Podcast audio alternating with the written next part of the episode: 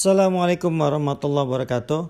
Perkenalkan saya Eko Supriyatno dari Great Coach Indonesia. Bapak dan Ibu para pebisnis atau business owner,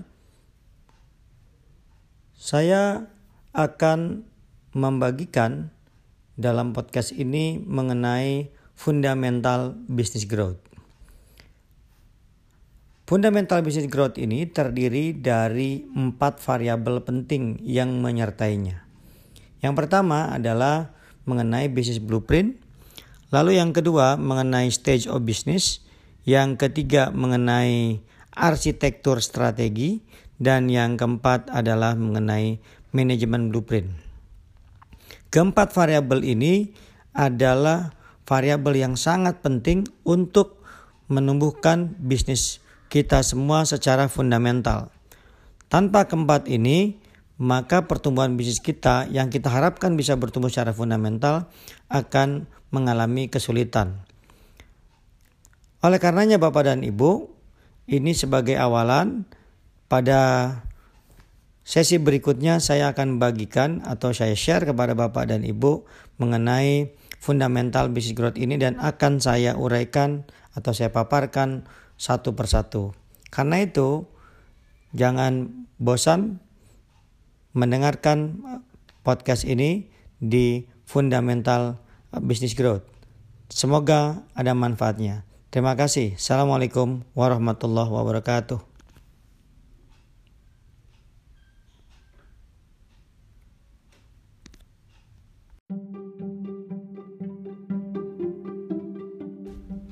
Assalamualaikum warahmatullahi wabarakatuh. Saya kembali lagi Eko Supriyatno dari Great Coach Indonesia. Kali ini saya akan membagikan kepada Anda mengenai bisnis blueprint di mana bisnis blueprint ini adalah part of dari atau bagian dari fundamental business growth. Bapak dan Ibu, konten dari bisnis blueprint ini adalah yang pertama adalah aset. Yang kedua adalah sales dan yang ketiga adalah profit, lalu yang terakhir adalah cash. Bapak dan Ibu yang terhormat, biasanya kalau kita berbisnis sering kali paradigma di awal dulu banyak yang mengajarkan bahwa aset adalah segala-galanya. Karena itu biasanya Begitu kita memiliki kelebihan dana, kita perbanyak aset. Padahal belum tentu itu menjadi aset sesungguhnya. Nah, aset yang sesungguhnya adalah ketika dia memasukkan uang ke kantong kita dan itu tanda bisa menjadi sales. Tapi apakah setelah jadi sales itu kemudian aset itu akan langsung memasukkan uang ke kantong kita ya belum tentu juga. Karena dari sales itu biasanya akan menjadi profit. Apakah juga pasti akan menjadi profit? Ya belum tentu. Kenapa? Karena Anda mesti menghitung apakah bisnis Anda itu benar-benar bisa menghasilkan profit di dalamnya.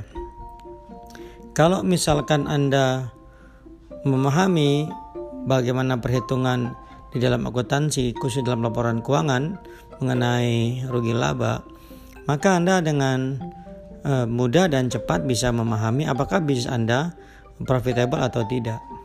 Berapa profitnya? Lalu kemudian profit yang Anda dapatkan itu apakah lantas juga akan menjadi cash? Lagi-lagi saya ingin katakan ya belum tentu juga. Mengapa? Karena profit itu biasanya baru tertera di dalam catatan pembukuan laporan keuangan yaitu laporan uh, rugi laba. Apakah pasti jadi cash? Nanti dulu. Karena apa? Karena kita harus mengecek, kita harus melihat apakah profit yang ada itu benar-benar memasukkan uang ke kantong kita. Nah, tanda profit itu memasukkan uang ke kantong kita adalah seberapa banyak dari profit itu benar-benar terrealisir menjadi cash. Tentu jawabannya adalah Anda harus tahu dulu bisnis Anda ini transaksinya apakah ter termasuk transaksi yang cash and carry? Apakah termasuk transaksinya yang deposit atau yang transaksinya menggunakan paymentnya berjangka? Jika payment bisnis Anda ada berjangka, maka bisa dipastikan profit yang ada dalam pembukuan perusahaan Anda itu belum tentu langsung menjadi cash. Artinya kemungkinan besar dia akan menjadi piutang. Nah, berarti profit yang Anda miliki itu atau yang ada tercatat dalam laporan keuangan itu belum menjadi cash tapi masih berupa catatan saja atau menjadi piutang. Oleh karena itu Bapak dan Ibu, di dalam memahami bisnis, bisnis blueprint ini sangat baik sekali untuk kesinambungan bisnis Anda. Tanpa kita memahami bisnis blueprint ini dengan baik, maka kita akan sering kali mengalami masalah. Satu contoh adalah ketika saya dan teman-teman mendelivery sebuah uh, workshop atau training di Semarang waktu itu saya ditanya oleh seorang ibu yang mempunyai bisnis snack. Ya, dan yang menarik adalah dia katakan bahwa bisnisnya itu menghasilkan sales kurang lebih 300 juta per bulannya. Tetapi yang dia keluhkan adalah mengapa dengan omset 300 juta sebulan ternyata tidak ada cashnya dia lack of cash atau kekurangan cash. Nah, ini tanda atau bukti bahwa bisnisnya itu baru menghasilkan profit yang berupa piutang. Apa tandanya? Profit yang ada di dalam catatan pembukuannya itu masih di dalam kantongnya konsumen, belum ada di dalam kantongnya si ibu tadi.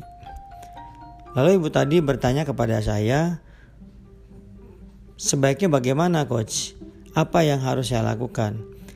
Lalu saya katakan dan saya jawab, yang paling penting adalah ibu harus mampu mengidentifikasi berapa profit yang ada di dalam bisnis ibu itu yang benar-benar bisa terisir menjadi cash.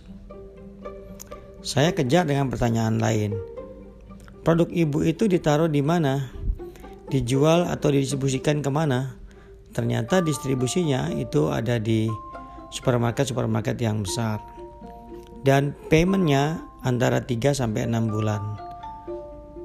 Sementara si ibu tadi harus membayar kepada suppliernya itu paling lambat dua minggu.